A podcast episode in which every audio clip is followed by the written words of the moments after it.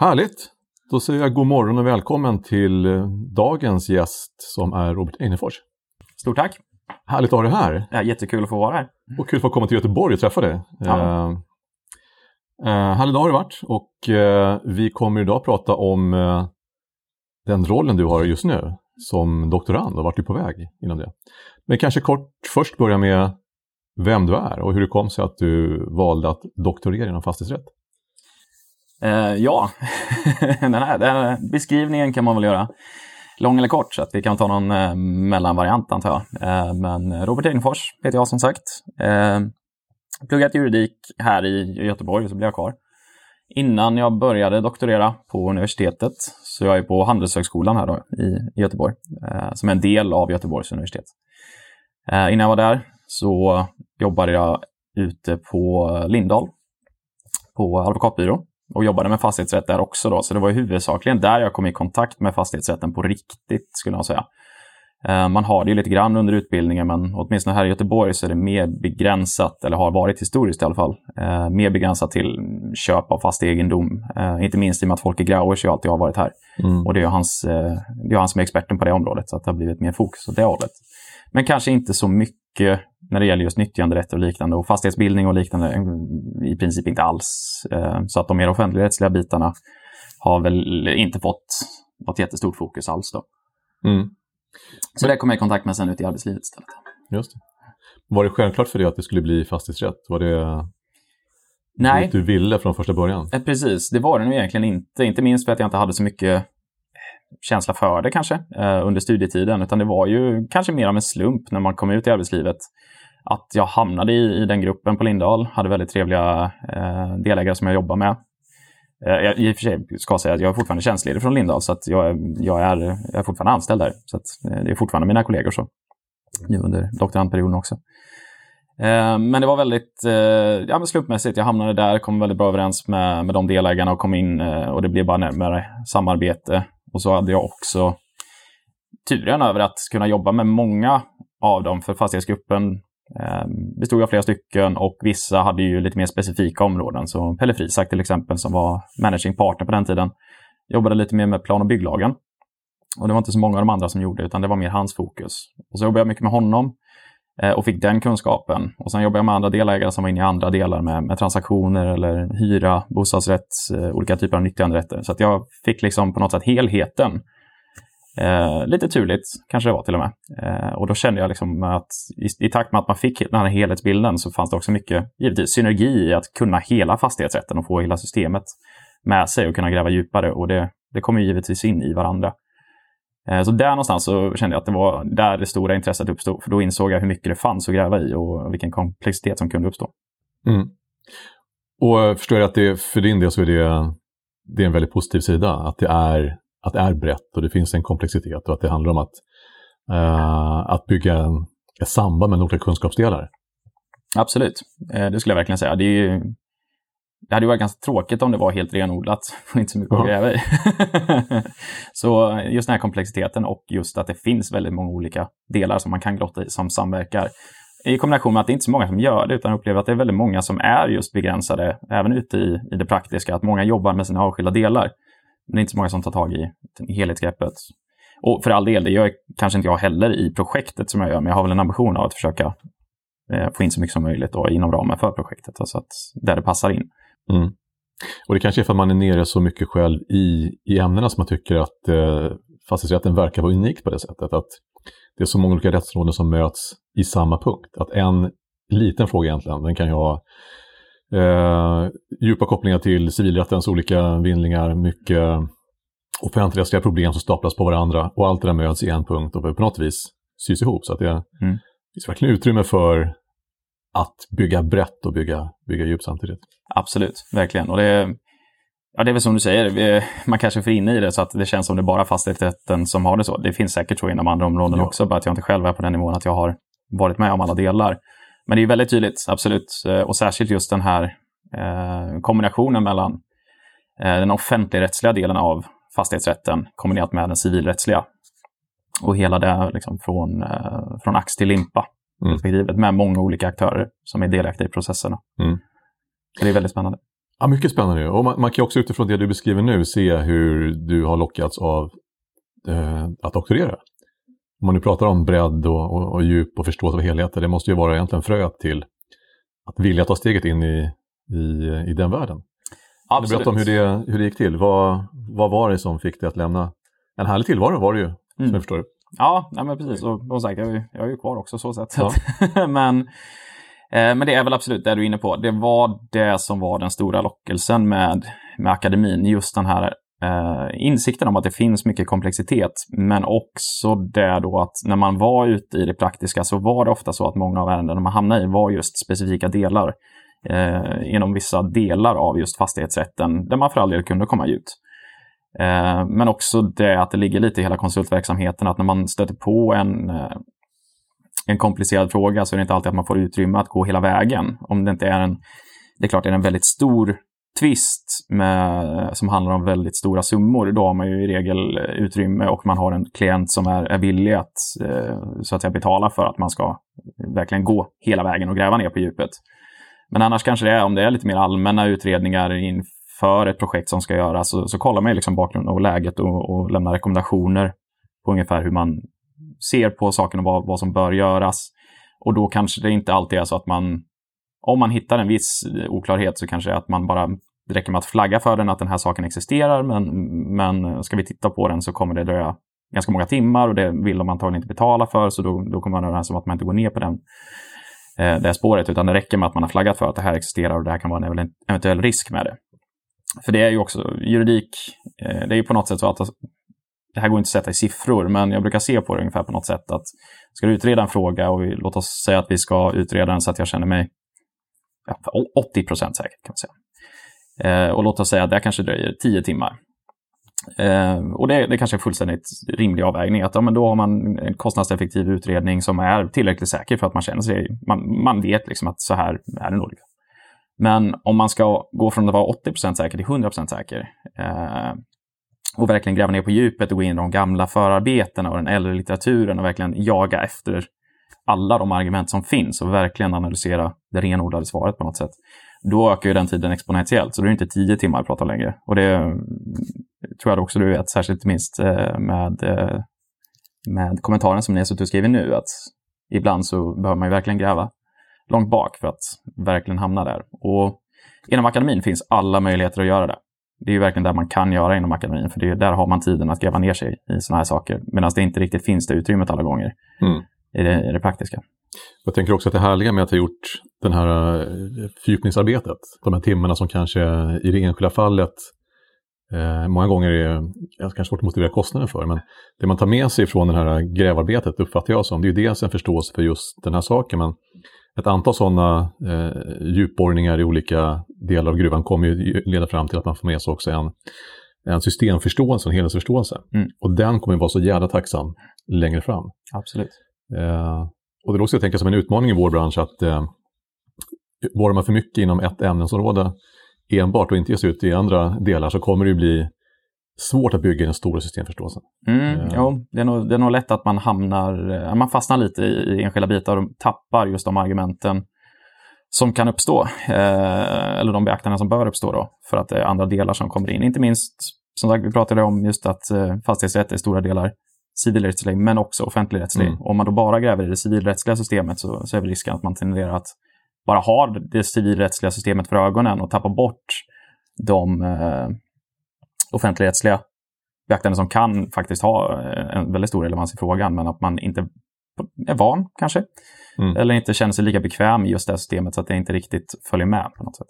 Nej, principerna drar lite snett kanske i, i mötet med ny, ny materia, mm. en ny typ av offentlig civilrätt. Mm.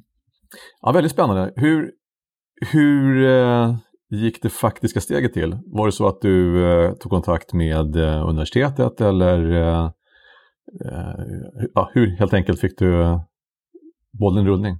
Eh, ja, eh, delvis så var det mycket tack vare att eh, ja, min bästa vän eh, Erik Lidman också jobbade tillsammans med mig på Lindahl tidigare. Eh, men hade börjat doktorera en tag tidigare, också här på Handelshögskolan i Göteborg. Då. Eh, och vi har nära kontakt så vi pratade eh, ganska mycket om det och han trivdes. Eh, och vi hade, vi hade lekt med tanken också även under studietiden Så att det hade väl varit kul att göra en sån grej. Så delvis var det att han hade tagit första steget och, var nöjd med det. Jag fick kontakten därifrån och vi pratade om det. Men annars så var det formella tillvägagångssättet var ju att universitetet utlyste doktorandtjänster. Så det man gör är att man, man skriver en, pro, en projektskiss med en, ja, men en skiss helt enkelt på runt tio sidor om ungefär det här tänker jag är ett bra forskningsprojekt. Eh, ungefär på det här sättet tänker jag gå tillväga med eh, de här metoderna. Eh, det är det här jag tänker göra på något sätt i, och, och ungefär förväntade resultat av det. Mm. Och så skickar man in det. Och så sitter universitetet och läser igenom de här ansökningarna som kommer. Och så de projekt eller forskarkandidater som verkar vara mer lovande eller passa in eh, blir kallade på intervju och så, så fortsätter man på det spåret. Mm. Hur såg din eh, idé ut eh, när du skickade in den? Vad, vad var beskrivningen av det du ville utreda? ja, precis. Hur såg den ut i sin grundform? Eh, projektet har ju ändrats delvis lite under tiden också, men jag minns redan, eh, eller redan, men när jag skickade in då så ville jag fokusera på samverkansproblem inom 3D-fastigheter. Eh, och den aspekten, det, det är fortfarande i centrum. Det är fortfarande kvar. Det är lite mer renodlat kanske. Eh, men det var där jag ville titta på. Vad kommer den nya eller ja, förhållandevis nya åtminstone i svensk rätt, eh, möjlighet, möjligheten då att införa eh, 3D-fastigheter och framförallt när olika 3D-fastigheter är eh, belagda eh, inom eh, samma byggnad. Så att man har gemensamma beröringspunkter då, typiskt sett genom samfälligheter. Mm. Möjligen genom servitut för all del. Men eh, hur kommer samverkan att fungera i de här frågorna? För det var någonting som man inte tittade jättemycket på i förarbetena. Så det var där jag, jag la in fokus. Mm. Mycket spännande ju. Mm. Eh, också en väldigt specifik fråga. Mm. hur, eh, hur fann du den frö till den frågan? Var det ett, eh, ett case ifrån eh, byrån som födde eller var det helt enkelt en nyfikenhet utanför yrkesrollen? Uh, nej, det var faktiskt inte alls något praktiskt så, utan det var mer att jag, jag var intresserad av att forska. Eh, jag var intresserad principiellt så av, av 3D-fastigheter och hade stött på det någon gång så sett, men inte just den här samverkansfrågan. Utan eh, då var det väl bara mer själva nybildandet av, av 3D-fastigheter som, som sådant som dök upp. Eh, men det jag funderade på var väl just, eller tanken helt enkelt kom sig av att jag satt och läste förarbetena. Och jag läste igenom förarbetena och såg vad, vad, ja, hur funkar det här, vad är tanken med allting och, och finns det någonting som känns som det borde ha utvecklats mer? Mm. Och det var då jag kom in på det här spåret, för det var också Särskilt när det gäller just eh, eh, samfällighetsbiten då. Att, eh, att samverkan ska ofta, inte alltid, men ofta ske genom eh, samfälligheter då, i olika former. Så kom det också från remissinstanserna eh, anmärkningar på att ja, men det här kanske inte är helt optimerat. Det kanske är så att, eh, eller det finns väl tecken på att samfällighetsregleringen verkar någorlunda konservativt på förvaltningen av samfälligheterna, var väl orden de använde. Eh, och det var egentligen det som var ingången då, att här har remissinstanserna gett uttryck för det här och det är väl någonting som har, har framförts tidigare för all del också, så att även i en klassisk traditionell kontext eh, så har ju den frågan diskuterats också, att eh, samfälligheter tenderar att kunna bli ganska konservativt förvaltade mm. utifrån den reglering som finns.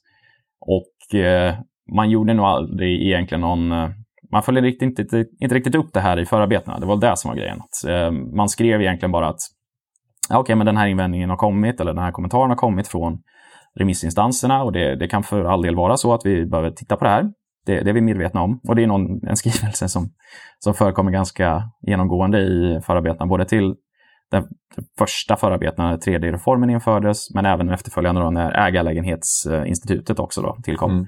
Att i båda de så står det att ja, men vi, vi får nog följa upp och kolla och se hur det funkar i praktiken. Mm. Och så finns det anledning att återkomma till frågorna, se hur det funkar och se om vi behöver revidera någonting. Eh, och min tanke där var framförallt, eh, i samband med att jag kollade på det här så hade det också gått några, några år då och Lantmäteriet hade gjort eh, en utvärdering av delar av det här och kommit med vissa kommentarer. Men det var också så att de delvis kom till slutsatsen också att ja, det har inte bildats så många fastigheter, eh, 3D-fastigheter ändå och framförallt så har det inte kommit så många problem i själva förvaltningsstadiet. Alltså, vi har sett att det funkar att bilda 3D-fastigheterna. Att det funkar, eh, hela den förrättningen Alltså, det verkade inte vara några större problem. Mm. Men av naturliga skäl så visste vi inte riktigt vad som händer i den senaste förvaltningsfasen när, när samfällighetsföreningarna då ska förvalta byggnaderna. Kommer det uppstå några problem då? Ja, det kunde de inte riktigt kolla på för att det var nya byggnader och den mm. hade liksom inte kommit till de här eh, kanske mer kritiska punkterna när byggnaderna börjar bli gamla och måste antingen restaureras mm. eller, eller rivas eller liknande.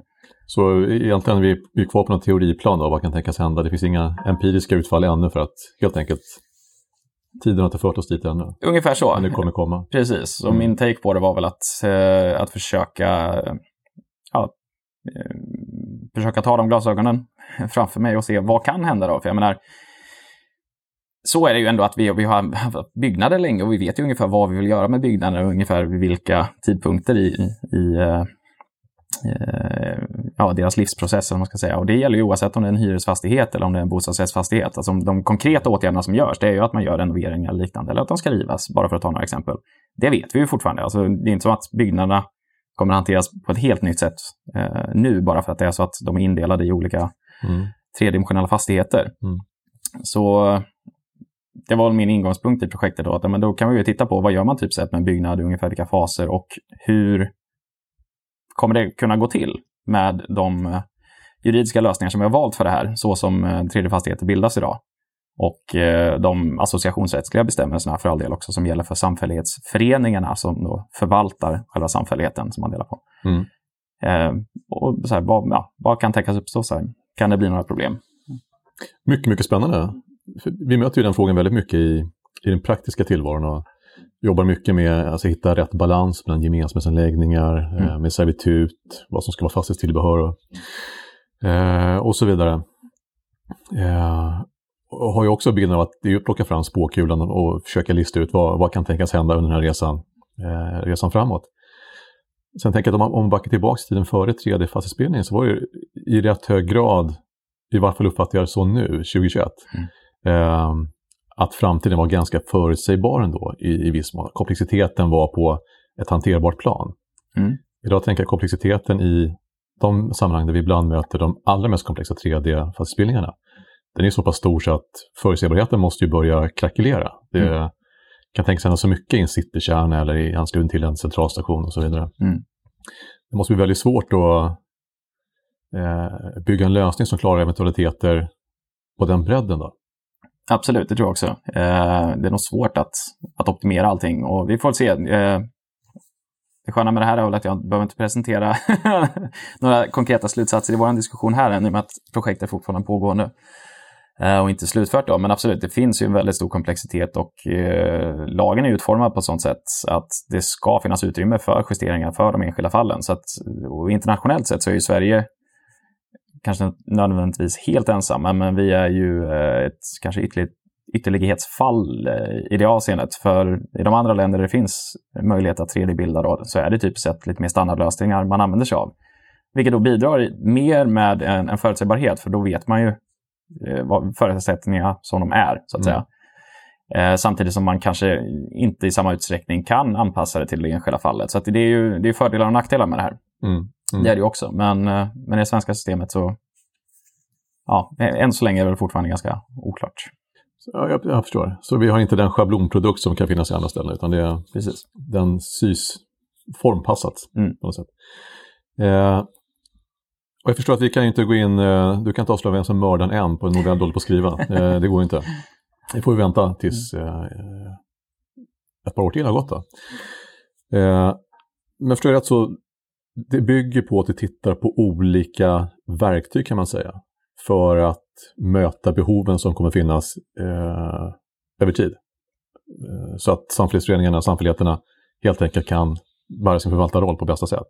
Ja, ungefär så. Är det också en koppling sett till de olika civilrättsliga lösningar som kan tänkas finnas? Antingen som en lösning i sig eller som en lösning som bygger vidare på en, eh, den sakrättsliga regleringen genom en gemensamhetsanläggning eller ett, ett servitut. Absolut, det civilrättsliga kommer in också. Eh, eh, min ansats är att försöka ordna någon form av helhetsbild och då kommer ju civilrätten in i det också. Eh, inte minst genom de associationsrättsliga bestämmelserna för vad samfällighetsföreningen som sådan får göra med, med samfälligheten. Mm. Och hur beslutsordningen eh, funkar där då, och lite om eh, kompetensernas gränser för deras olika organ då, med, eh, med vad styrelsen kan göra till exempel och, och vad stämman har rätt att göra. Ehm, så det tittar jag också på och kommer även in på grannelagsrätten i och med att det också givetvis påverkar. Eh, inte minst för att man kan välja att i någon mån strunta i att göra en gemensam lösning genom till exempel en samfällighet för att man då anser att den grannelagsrättsliga regleringen är tillräckligt för att, eh, att säkerställa de eventuella behov som kan uppstå här. Mm. Så att vi helt enkelt låter, det, det, får liksom vara clean slate någonstans, att vi inte gör så mycket utan vi låter sam, äh, grannelagsrätten mm. hantera de frågor som kan uppkomma. Och då tittar jag också på vad kan effekten bli då och kan det, kan det vara så att det faktiskt är så att eh, grannelagsrätten då inte riktigt träffar alla situationer som man har tänkt sig. Mm, mm. Så det är väl tanken. Ja, det låter som en, en skön bas kanske då att, eh, att falla tillbaka på generella regler i den mån det går. Då. Och först när det inte mm. de räcker till så ger man sig in och reglerar. Mm. Mm. Jättespännande.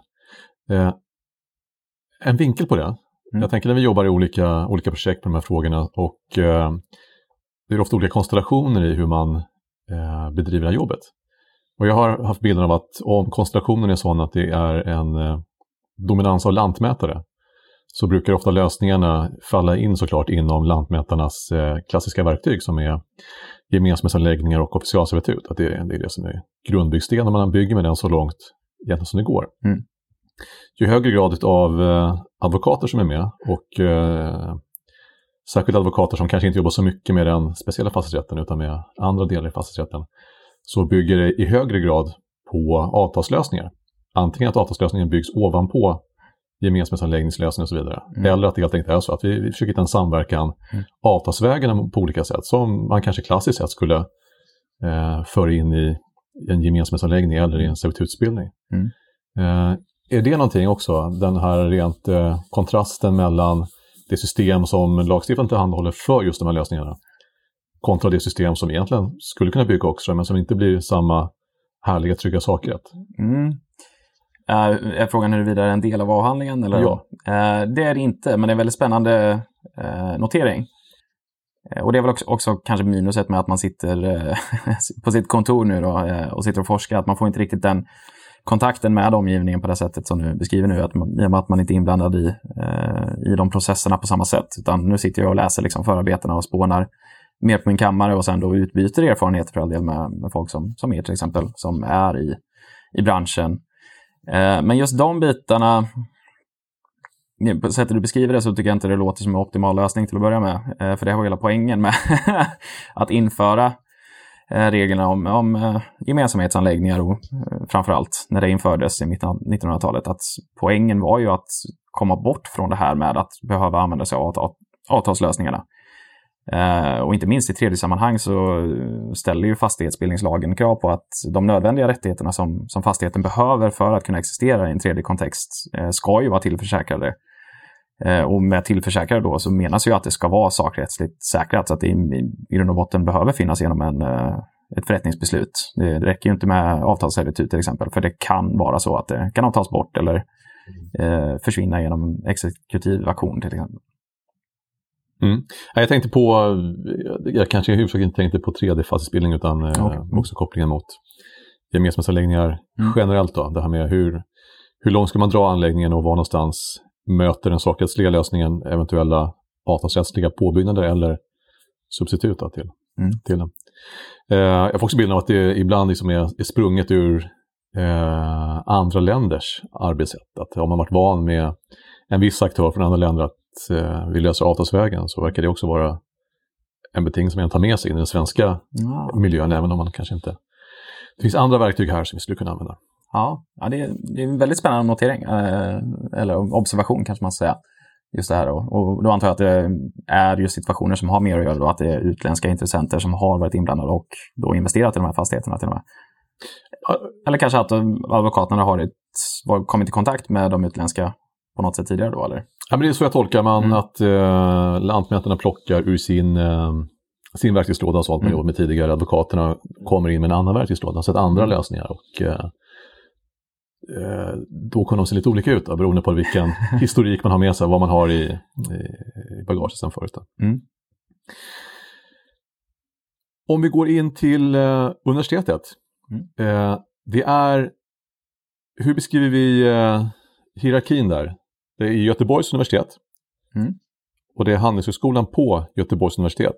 Ja, precis. Det är ju själva fakulteten då som är eh, ja, underkategori är fel ord, men som placeras in i det större systemet som är eh, Göteborgs universitet.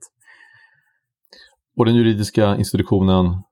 Precis, det är en institution då som placeras in i fakulteten som finns på, på Handelshögskolan. Ja, så Handelshögskolan består av, om man nu ser till eh, ämnesområden i stort, det är ekonomi och det är juridik. Är det de två stora Ja, precis. Och så kan man ju dela in ekonomin på olika sätt. Så att, eh, jag tror att ekonomerna som är där eh, gör väl den, den, större indelningen, att det är företagsekonomi och nationalekonomi som mm. är väl de stora benen. Sen kan det vara, jag är inte så insatt i, just deras verksamhet, men möjligen eh, det finns väl säkert andra kategorier av ekonomi som inte identifierar sig som de är precis i de områdena. Men på något aggregerat plan så kan man säga att det är ungefär de benen.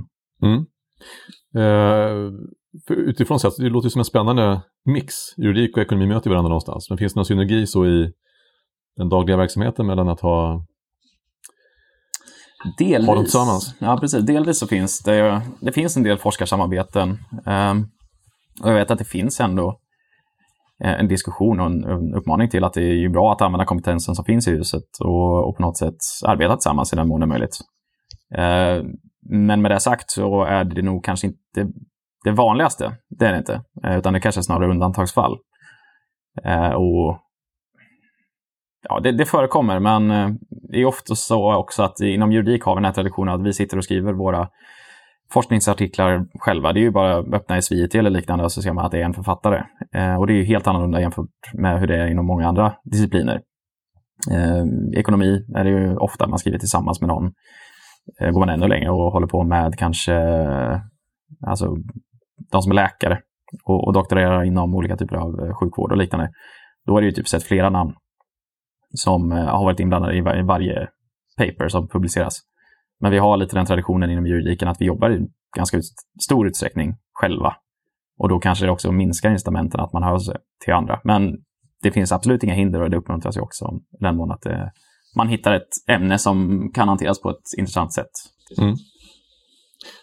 Om då juridiken i någon mån eh, generellt är lite av ett ensamarbete i, i vart fall i den akademiska tillämpningen så.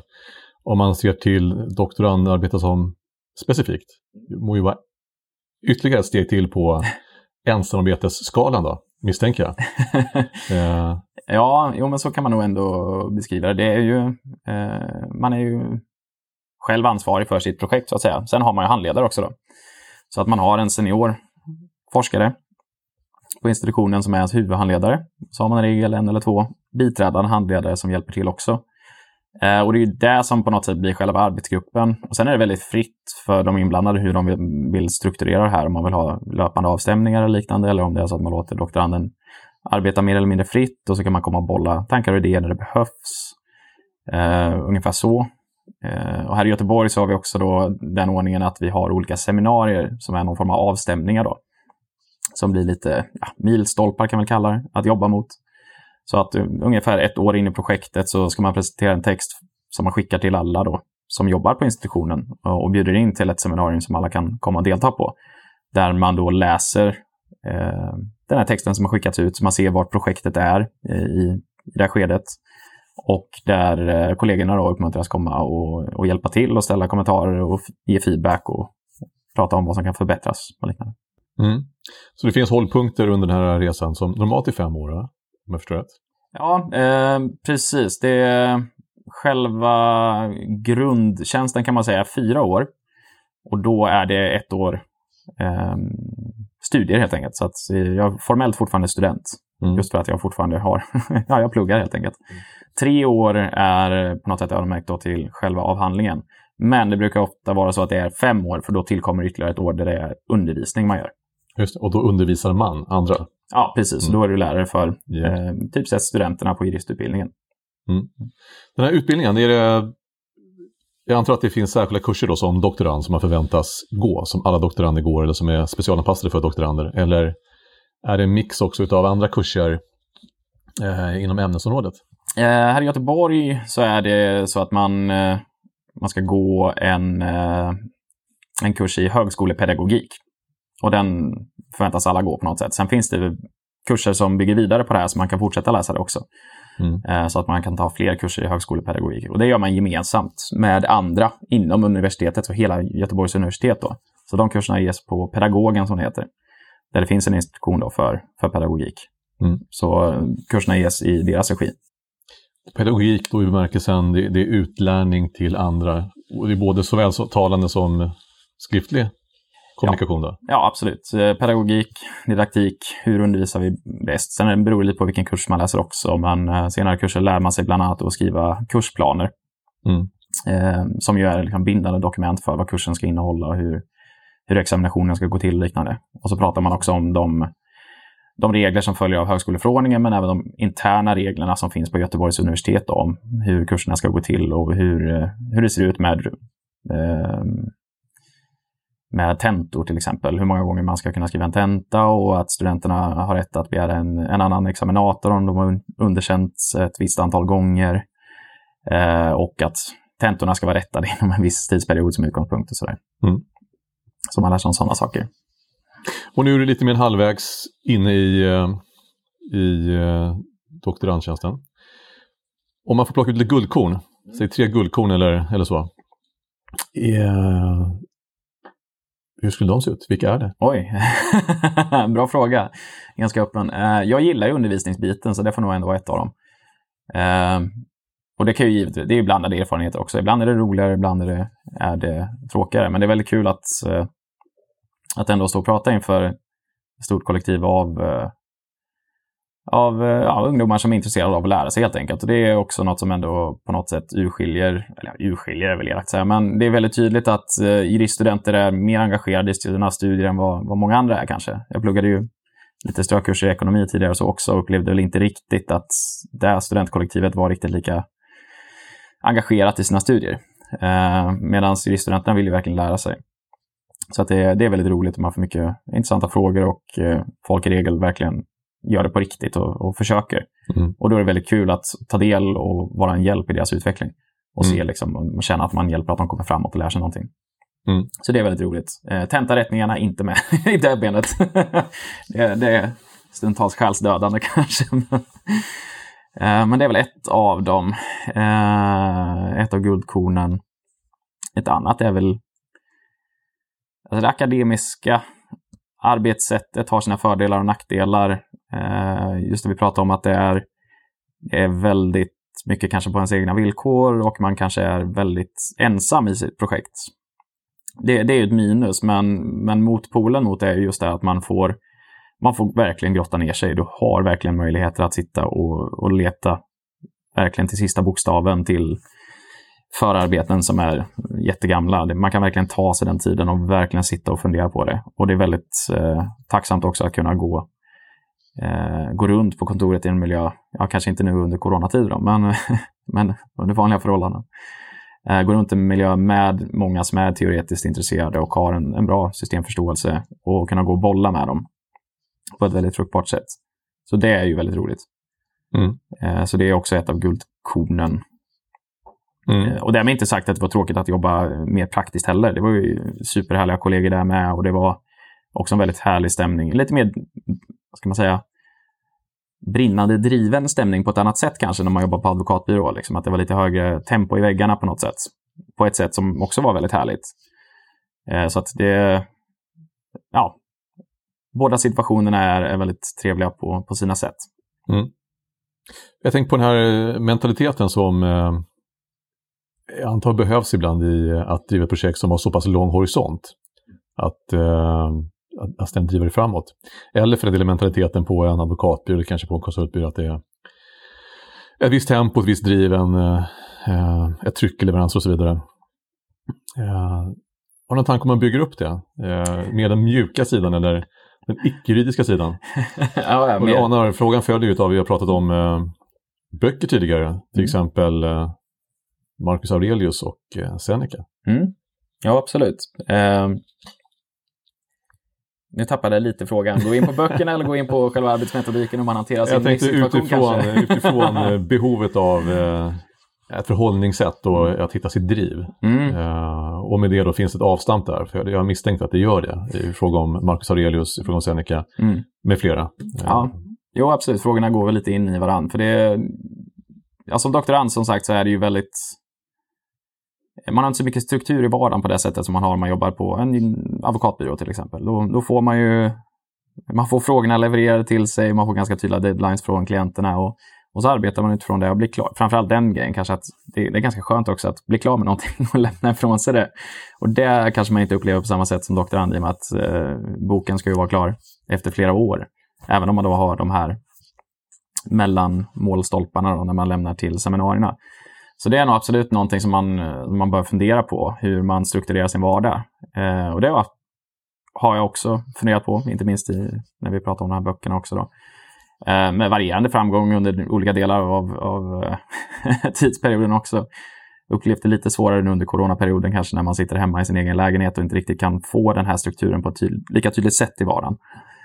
Eh, men det är absolut någonting man, man bör fundera kring. För det är någonting som man på ett helt annat sätt förutsätts hantera mer självständigt. Så att det behöver man verkligen fundera på. Mm. Hur man ska strukturera sin vardag och, och verkligen jobba med det här på ett bra sätt. Mm. Och det, det kan stundtals vara eh, en uppförsbacke, det, det tycker jag nog absolut. Och på vilket sätt, eh, på vilket sätt eh, har du haft hjälp eller stöd ur eh, att läsa den klassiska litteraturen? Oj.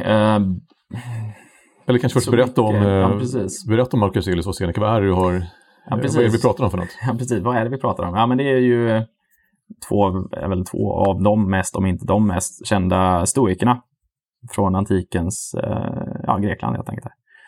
Eh, och de har hjälpt mig mycket, inte bara i, när det gäller arbetssammanhang, utan mer livsåskådning som sådant. Jag, jag dras väldigt mycket till det tankesätt som de gamla stoikerna har och deras sätt att se på livet. Att, eh, kanske framför allt då att jag har identifierat mycket vid det här att alltså, känslovärlden, eh, den existerade i allra högsta grad, men de är inte styrda av den på det här sättet. Att man tillåter sig att på något sätt eh, känna sina känslor, men man styrs inte av dem på det här sättet, utan man ser på det ganska objektivt och på något sätt för, försöker förhålla sig på ett objektivt sätt till världen.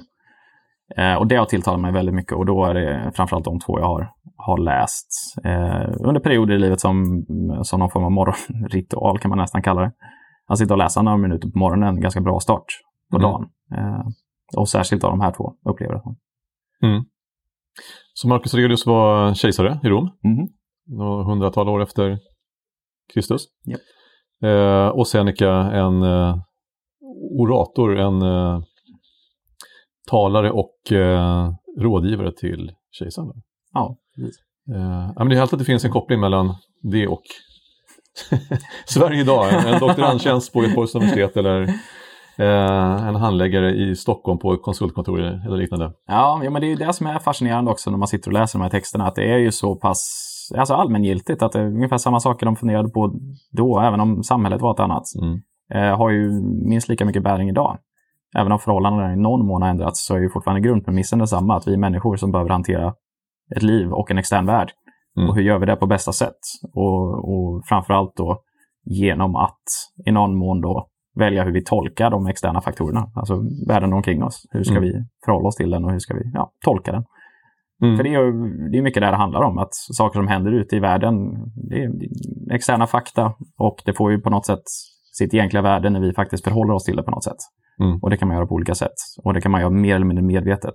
Och jag gillar väl att försöka vara mer medveten kring det. Mm. Ja, och det är väldigt, eh, det är väldigt aktuellt 2021 eh, också. Mm. Just med tanke på att det, det finns fakta. Att det, det är alltså att det finns saker som är Mm. i någon objektivt sanna. Även om det är svårt att säga att någonting verkligen är sant eller falskt. Så. Ordet fungerar ju ändå för att definiera att någonting är mycket mer än någonting annat. eh, Absolut. sannolikt. Och perspektiven också, att sätta känslor i perspektiv till allt det där andra som man har utgå, eh, att utgå ifrån. Mm. Verkligen. Men finns det någon, eh, något boktips utifrån det då? Det har vi nästan, eh, går, inte att väja för den frågan nu. Ja, eh, vi brukar ta med en sån i slutet på, på intervjuerna. Ja, eh, det finns ju absolut. Och det, nu nu har vi ju pratat om det, men jag kommer nog ändå falla tillbaka på... När det gäller just sån här typ av litteratur, det är klart jag kan jag läser inte så mycket skönlitterärt, men jag lyssnar på ljudböcker när jag är ute och springer om dagarna. Så. Men, men det är nog ändå Aurelius, hans eh, Meditations heter den på engelska. Eh, och det är så jag har läst den. Jag vet inte om den heter Betraktelser eller Självbetraktelser på svenska möjligen. Som i grund och botten är eh, hans gamla dagboksanteckningar. Där han egentligen sitter och skriver eh, om hur han ser på livet eh, till sig själv i form av eh, dagboksanteckningar. Då. Och det är mm. otroligt fascinerande att läsa människan Marcus Aurelius som väl var antagligen den mest eh, eh, ja, inflytelserika, fel ord, jag tappar väl ordet, men den, ja, mäktigaste. den mäktigaste, tack. Mm. Mäktigaste människan som existerade under den tidsperioden. Eh, han var kejsare över romarriket. Mm. Eh, och ändå så förhöll han sig så ödmjukt inför livet. Och han har gått igenom väldigt mycket också med liksom, familjemedlemmar som hade dött. Och det, det var krig och det var, det var väldigt mycket, mycket värre saker som man, man själv inte utsatt för. Och trots det så, eller kanske ännu mer i ljuset av det, så är det väldigt imponerande att se hans eh, livsåskådningar och perspektiv på livet. Så det blir ganska personligt att läsa det på något sätt. Och det, är, det är väl det som är det spännande, att se hur någon annan förhåller sig till livet och liksom dra inspiration och lärdom av det.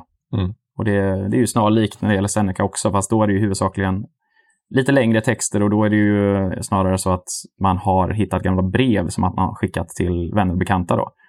Eh, där han har hjälpt dem med olika typer av problem eller bara bidragit med livsåskådningar i, i, i lite mer avgränsade frågor. Så. Mm. Och då utveckla det lite mer. Men det är också ja, några sidor styck kan vara en schysst grej att läsa på morgonen tycker jag. Mm. Uh, härlig start ju. Ja, uh, härlig start ju på dagen. Vi brukar också alltid ha med ett moment om, finns det någon person som du tycker är viktigt att framhålla. Någon som gjort någonting bra i samhällsbyggnadsbranschen eller liknande. Det skulle kunna vara en romersk kejsare till exempel. det skulle kunna vara en person på institutionen eller liknande också. ja, det är en väldigt öppen fråga så sett. Det ja. finns ju väldigt många olika människor. Det, Oj, ja det är jättesvårt. Eh, för det finns ju många och det beror som sagt på vilken, vilket perspektiv man tar. Liksom. Är, det för, är det för stora världssamhället som helhet eller är det mer avgränsat? Men det, först, det, det är kanske är bra att ta den första jag tänkte på när du ställer frågan och det är väl egentligen den jag är mest imponerad av så kanske är väl Bertil Bengtsson ska jag säga. Eh, det är oerhört fascinerande att han fortfarande idag är så, så aktiv som han är och har varit så pass aktiv eh, som han har varit så pass länge. Han skrev sin senaste SOU, var det två år sedan kanske? Och, ja, i och för sig, han skrev dessutom någonting nu i somras som hade med gemensamhetsanläggningar att göra med andelstalen där. Så att, eh, men det var väl ingen formell SOU kanske. Så det var väl, men likväl, han skriver fortfarande utredningar och han är 94 år. Eller vad är han?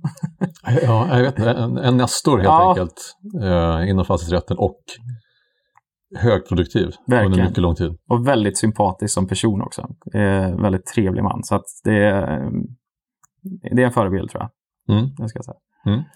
Ja, men starkt. Jag, ehm, jag tror inte Marcus hade haft eh, något problem att stå bredvid den pedestalet och, eh, och utlyfta i det här sammanhanget eh, som förebilder. Jag funderar ibland på, på framtiden så. Vi, vi har ju ett antal nestorer inom fastighetsrätten, både nu levande och så har vi ett antal som inte längre eh, finns med oss. Eh, kommer vi på samma sätt se de här eh, väldigt klart lysande stjärnorna framöver? Eller är det så att det det som byggde dem kanske i högre grad fanns tidigare. Möjligheten att specialisera sig på någonting, möjligheten att eh, vara så hängiven, eh, lagutveckling och så vidare. Bra fråga. Eh, jag tror nog absolut att möjligheterna finns fortfarande. Eh, det som för mig kanske sticker ut när jag tänker på de här, Bertil Bengtsson bland annat, men också någon som Hellner och liknande inom civiletten i, större. Eh, Rode var väl en sån här nestor i i associationsrätten och så. Men det är väl framför allt att de hade väldigt mycket bredd också. Eh, inte bara att de var produktiva eh, och skrev bra saker, för det finns väldigt många eh, forskare som skriver väldigt bra saker och, och är duktiga. Eh, men det som jag framför allt tänker på, och som också var lite åt Viktorins håll innan han gick bort, att han, han hade en, lite mer bredd än vad många har tror jag. Att de tog lite större perspektiv. Eh, huruvida vi kommer se det framöver, det hoppas jag. För jag tror att det fortfarande absolut finns möjligheter. Det, så sätt har det ju inte ändrats. Eh, utan det handlar mer om att personen i fråga är intresserad av att eh, bidra med det och att ge sig in i det med, med den inställningen att ha lite bredare perspektivet och bidra i större delar.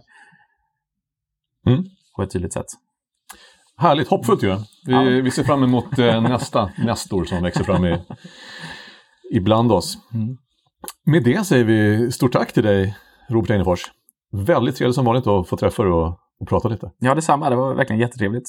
Och inte minst att eh, ses fysiskt också. Ja, det var, att vi fuskar lite nu med...